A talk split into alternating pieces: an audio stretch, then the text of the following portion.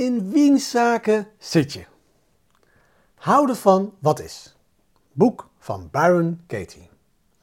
Byron Katie vertelt ons dat er drie verschillende zaken zijn waarin we actief kunnen zijn. Onze eigen zaken, de zaken van iemand anders of de zaken van God.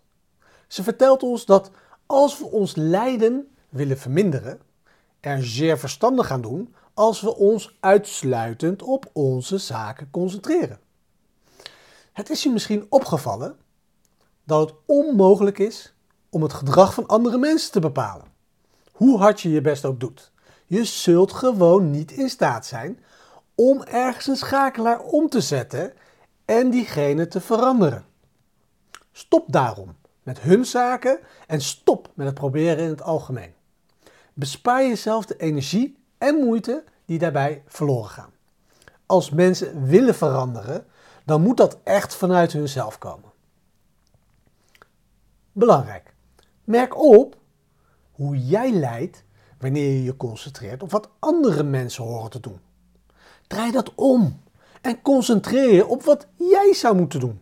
Dat is namelijk jouw zaak. En het is misschien jou ook opgevallen dat het helemaal onmogelijk is om godszaken te bepalen. Een tornado slaat toe, een aardbeving schudt, de markt stort in of misschien treedt jouw minst favoriete politieke kandidaat ooit in functie. Ja, dat soort dingen. Godszaken. Je hebt er geen direct invloed op. Wil je lijden?